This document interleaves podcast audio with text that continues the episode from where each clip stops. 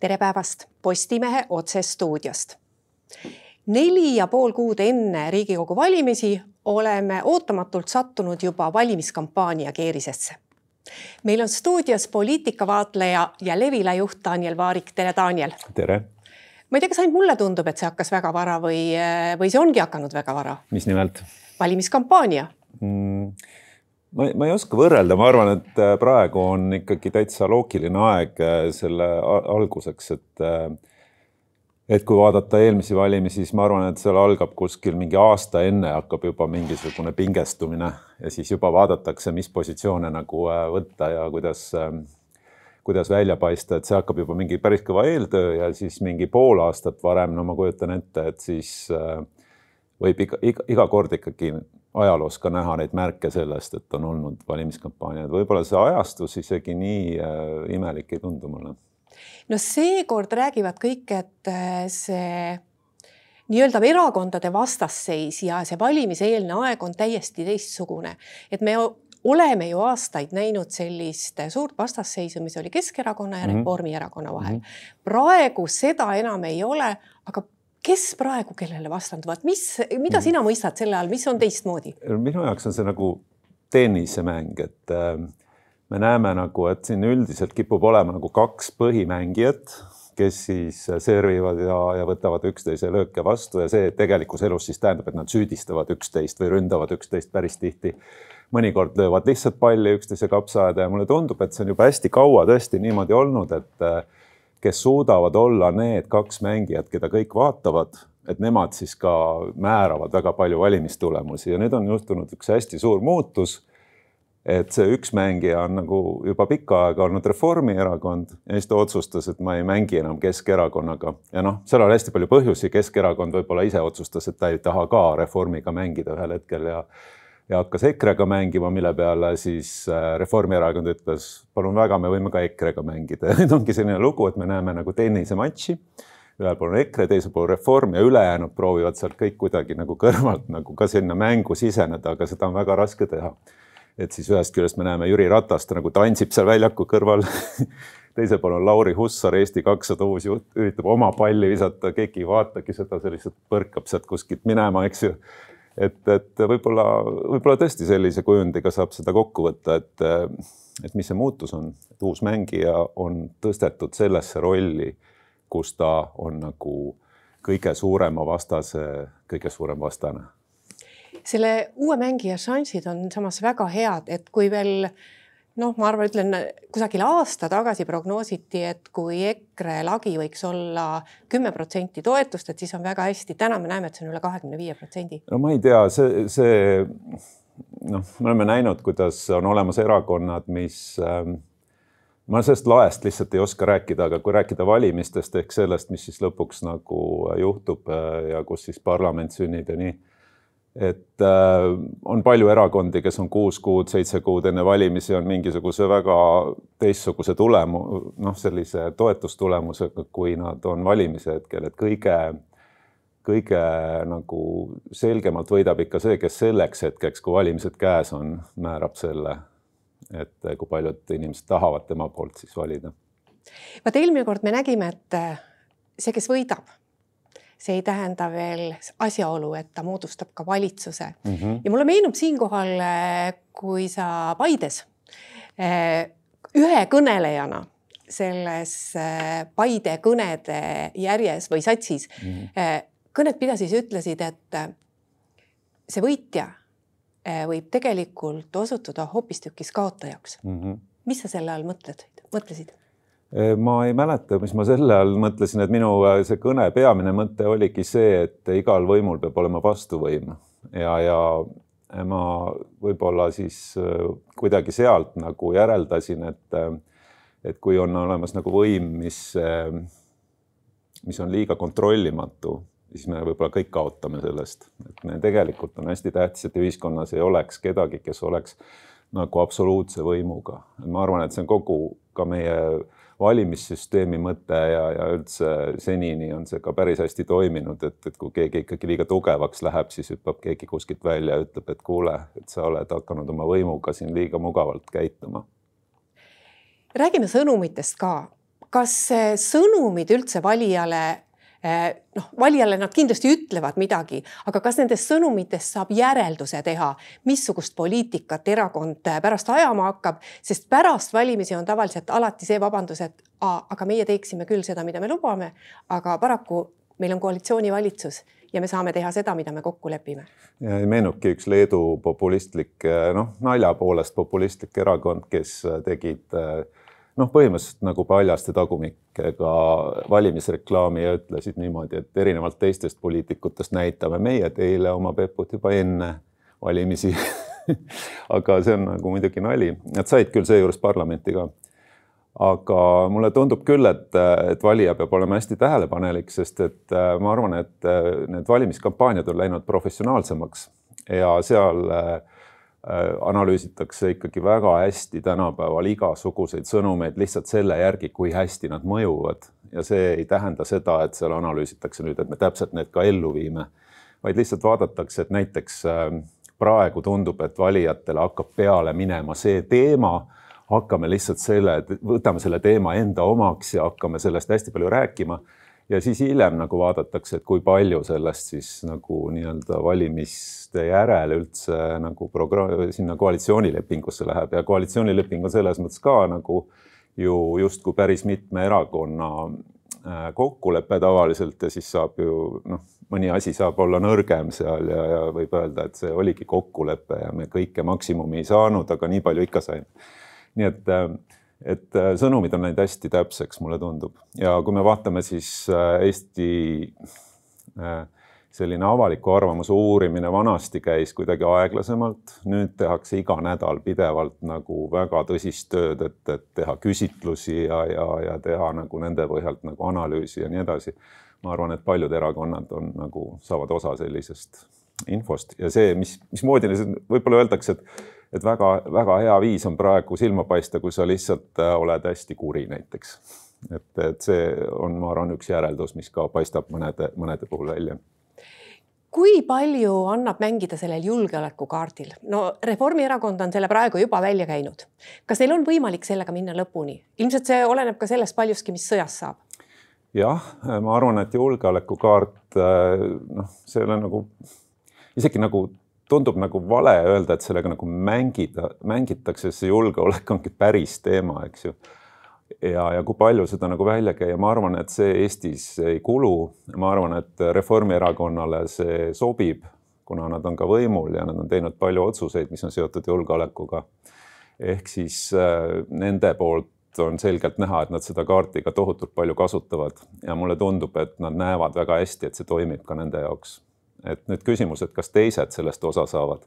et siin on ka näha, kuidas mõned erakonnad proovivad julgeoleku teemal sõna võtta, aga see nagu kostub nagu vähem, sest et on üks, kes seal tenniseväljakul seda kogu aeg nagu raiub, tema pool on prožektorid, tema pool on see, et ta on parajasti võimul. noh, kasvõi see näide, et kui Kaja Kallas tuli Rahvusringhäälingusse, siis ta noh, saigi seda teha, kui ta rääkis sellest elektrikatkestuste ohust nii-öelda, ta saigi seda teha siiski sellepärast, et ta oli peaminister et äh, jällegi seesama, ma ei tea, sotsiaaldemokraatide juht või siis Eesti kahesaja juht ei saa niimoodi võtta seda eetriaega.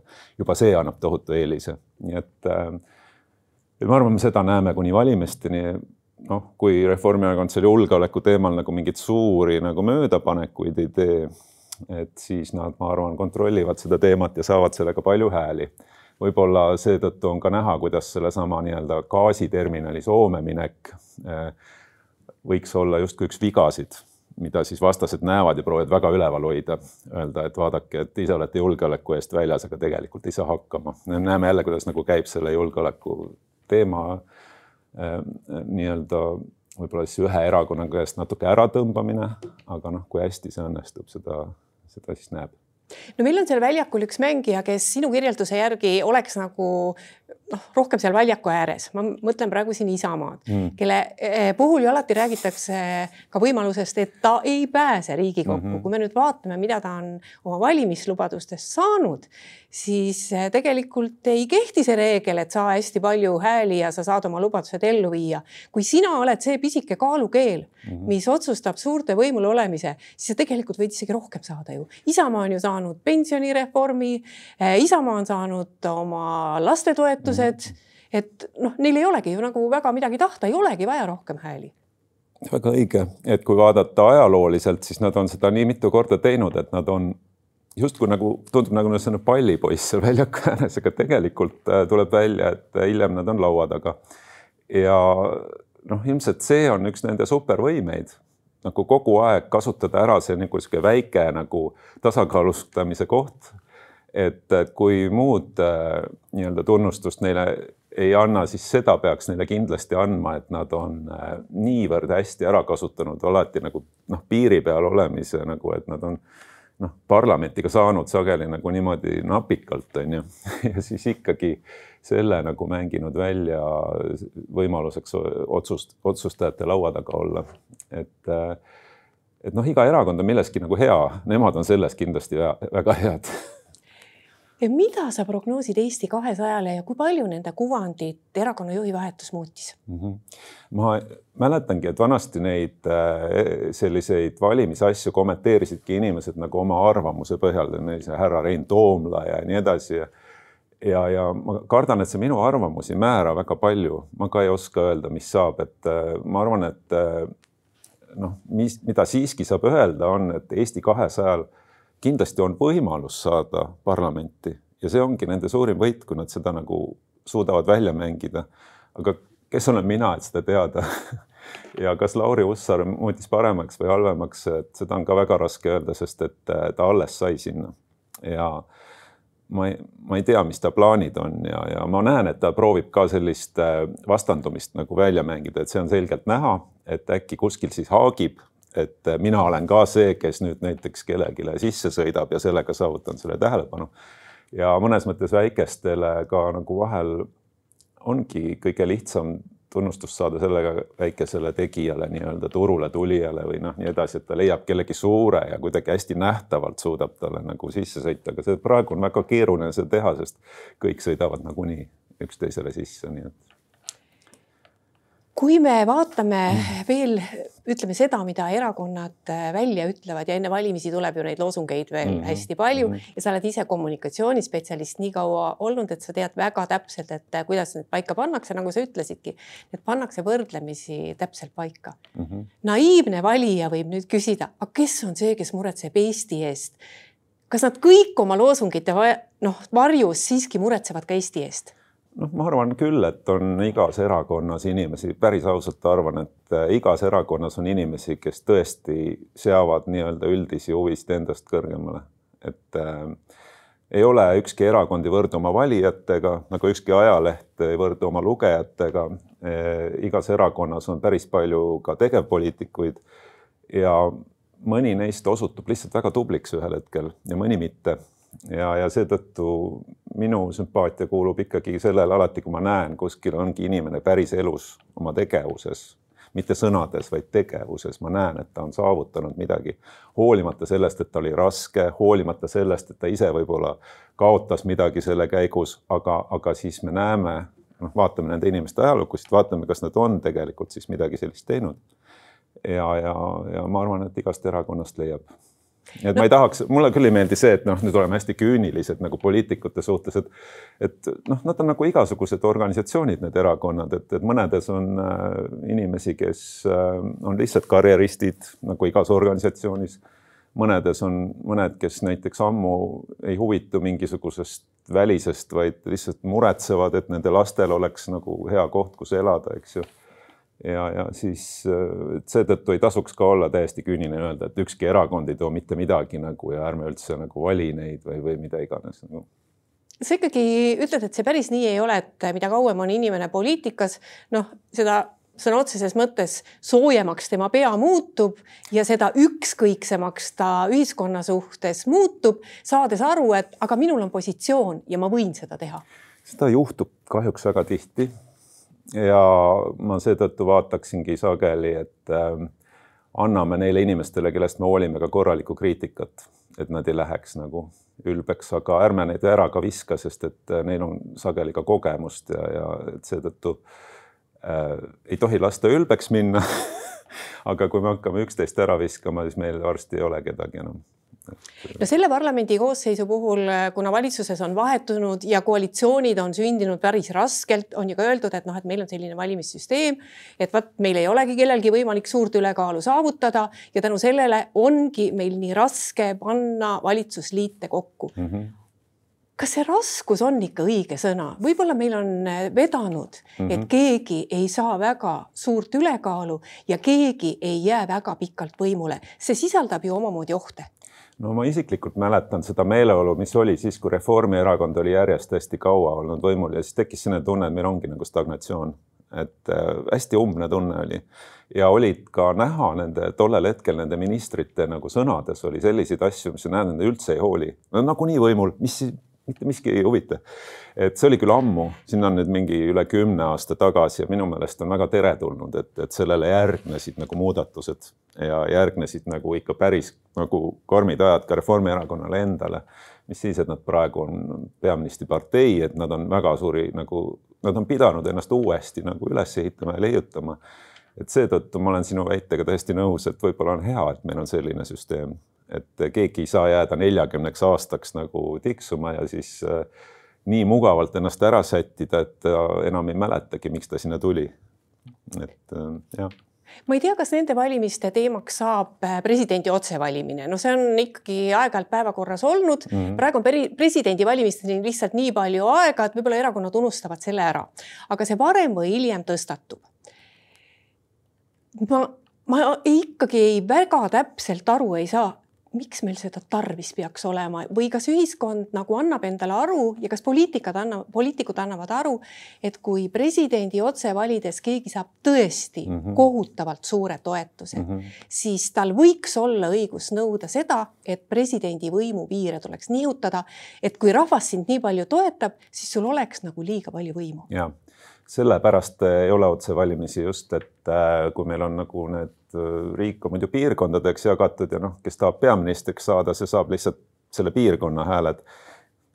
ma ei kujuta ette, kui meil oleks kogu Eesti hääled, et siis ma vist Lennart Meri sai mingisugune ma ei julge enam öelda, igal juhul on võimalik saada üle, üle saja tuhande, Arnold Rüütel sai tast kõvasti rohkem, saigi vist üle saja tuhande, aga tegelikult on võimalik saada ka võib-olla kakssada tuhat häält.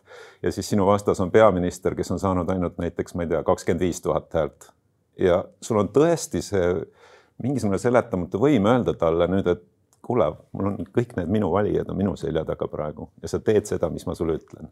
ja kas me tahame nagu sellist võimu enda nagu riiki? Et äh, mina isiklikult kõhklen sellise asja peale, aga teisest küljest see teema, et presidendi otsevalimised teha, et ta on jällegi üks hästi hea sõnum, mida minu meelest on kasutanud hästi palju ka Keskerakond kunagi ja, ja ta on selles mõttes, ma arvan, läbinud hästi palju testimist erakondade poolt, et see nagu huvitab inimesi. Nad äh, kõik oskavad sellest justkui midagi kaasa mõelda ja seda on enne valimisi väga hea välja käia ja see on alati olnud ka selline teema, mida peale valimisi tavaliselt ellu ei hakata viima. See eeldab ka päris pikka protsessi, kogu see seaduse muutmine nii-öelda. Aga ta on hästi hea valimiseelne teema, nii et ma arvan, et valimiseelse teemana me näeme seda kogu aeg. Aga et kas ta kunagi nagu päriselt kuhugi jõuab, selles ma ei ole enam nii kindel. no vot, kui meie jutt juba presidendini läks, siis sa ilmselt äh, tead päris hästi, äh, kui palju presidendil tegelikult võimu on, sest äh, selle aja jooksul, mis Kersti Kaljulaid oli president, sa ju tegelesid sellega, et sa kirjutasid temast raamatut mis on küll levilas juba peatükkide kaupa lugeda, aga mis raamatuna ei ole veel välja tulnud. novembri lõpus tuleb just mm, -hmm. aga sa said äh, ametis olevale presidendile lähedale, kui lähedale ja kui hästi sa täna tead, kui palju võimu on Kadriorus? No vot, see ongi selline võim, mis on täitsa teistsugune võim, et, et sa võid seda endale leida, kuna tähelepanu sul ju on, on ju, aga sul ei ole eriti palju hoobasid ja siis äh, mul õnnestus tõesti, nad kutsusid, ütlesid, ainus asi, mis me sulle saame anda, et, et kui sind see huvitab, et sa saad jälgida lähemalt ja, ja et kui sa siis tahad sellest raamatu kirjutada, et, et siis see oleks nagu tore. ja mul õnnestus seda nagu jälgida ja näha, kuidas see on nagu inimlik, keeruline, kuidas asjad, mis vahel on mõeldud ühtepidi, kukuvad välja teistpidi. aga mul on ikkagi selle jälgimise tulemusena tunne, et, et, et see president ikkagi saab mõjutada asju ühiskonnas küll, kui ta ikkagi väga tahab. ja, ja siis äh, ma proovisin neid nagu ka kirjeldada, et mis siis nagu vahel nagu siis mõju omasid ja, ja no samal ajal on väga palju olukordi, kus ta lihtsalt proovib, aga mitte midagi ei ole, mitte midagi sellest ka ei juhtu no selle aja sisse jäigi ju see suur lõhenemine ka mm, -hmm. ma ei ütleks nüüd, et see on presidendi ja poliitikute töö otseselt, et või võimulolijate töö, et see lõhe ühiskonnas oli olemas ja ühel hetkel olid tõenäoliselt ka välised olud, et see lõhe läheks suuremaks. aga neid kriitilisi hetki ilmselt ühegi teise presidentuuri aega ei ole nii palju jäänud kui Kersti Kaljulaidi aega, et ma ei tea, ma arvan, et tead, mis ma arvan, et me unustame ära lihtsalt, mis oli. Ma ka mõtlesin, et võib-olla oli niimoodi, aga siis ma hakkasin tagasi kerima. no Lennart Meri sai võimule niimoodi, et äh, tegelikult paljud arvasid, et see oli mingi nipitamine üldse, sest tegelikult oli õige, seadus oli niimoodi, aga Arnold Rüütli toetus oli nii palju suurem. Ja tekkis kohe selline tunne, et, et mis see nüüd on, lõhestas juba esimene nagu uus, uue aja president meid Toomas Hendrik Ilves tuli suuresti vastandudes Arnold Rüütlile, jälle nagu, nagu selline teema on ju. ja, ja Kersti ajal oli ka, Kersti Kaljulaidi ajal oli väga palju nagu sellist vastandumist, et noh, nad on lihtsalt eri tüüpi, erinevat moodi, aga, aga äkki me nagu ootame lihtsalt mingisugust imet, et, et üks inimene liidaks nagu kõik nagu Eesti inimesed ühte, et siis ma arvan, et seda ei saa nagu oodata. eriti arvestades, et see inimene on tegelikult noh mõnes mõttes ta on nagu ametnik. Ta on lihtsalt hästi kuidagi nähtaval kohal olev ametnik, et kuidas ta saaks meid kõiki üldse liita, et, et see tundub mulle ühel hetkel isegi nagu võimatuna, aga loomulikult äh, ta saab teha selliseid asju, et ta annab inimestele võrdselt sõna, näiteks ta ei eelista mingit, minu sõbrad on seal ja minu seal, sellepärast ta ongi ju ilma erakonnata peaks olema, eks ju, et ta ei tohiks tegelikult üldse vahet teha nagu selle järgi, mis on välised tunnused inimesel ma tulen valimiste juurde tagasi. Äh, meie praegune president äh, nädalapäevad tagasi intervjuus ütles mulle, et noh, et ta ei näe otseselt sellist poliitilist jõudu, kes oleks Eestile ohtlik. ta vähemalt ei tea seda. aga sa ei saa ju öelda, et on täiesti välistatud, et me pärast äh, valimisi, sõltuvalt valimistulemusest ikkagi võime sattuda sellisele Ungari teele, et riik, mis hakkab käituma teistmoodi, riik, mis lõppkokkuvõttes ei täida Euroopa Liidu reegleid, äh, pärast seda tulevad sanktsioonid, seda ohtu ei ole ju, ei saa täna keegi öelda, et seda ei juhtu no selgelt on Venemaa tegelenud kogu aeg Eesti ja, ja ka teiste endale kuidagi lähedale või oma mõjusfääri tema arvates jäävate riikide mõjutamisega. see, et meil ei ole ühtegi nii-öelda ka poliitikas ei ole justkui kedagi, keda Venemaa ei mõjutaks ja ei kasutaks ära, seda ma ei usu aga lihtsalt ma ei tahaks neid suuri silte nagu näha. nagu ma ütlesin enne, mina arvan, et igas erakonnas on inimesi, kes hoolivad Eesti pärast ja, ja võib-olla peaks seda asja ikkagi natuke teisiti vaatama, et, et vaatama nagu inimeste tegusid jälle. et me ei vali neid inimesi, kes nagu selgelt nagu tõesti lõhuvad nagu meie enda riiki. et, et siis ma arvan, et siis nagu tahtmine justkui kuskil või mingi surve on tegelikult olemas ei saa öelda, et seda ei ole. meil on, tegelikult sõda Ukraina, aga ka laiemas mõttes nagu ühe väärtussüsteemi teise vahel ja, ja siin kasutatakse kindlasti kõiki vahendeid. see, seda me oleme ju ka väga paljudest riikidest on noh, nagu näha, kuidas äh, mingisugused alates PR-firmadest äh, kuni lõpetades, ma ei tea, mingisuguste poliitiliste äärmusliikumistega ikkagi nagu toimivad justkui Venemaa huvides aitäh, Daniel Vaarik tulemast meie saatesse. aitäh ka kõigile neile, kes meid vaatasid. nii palju veel, et järgmine Postimehe otsesaade on eetris nüüd juba homme. seniks lugege uudiseid postimees.ee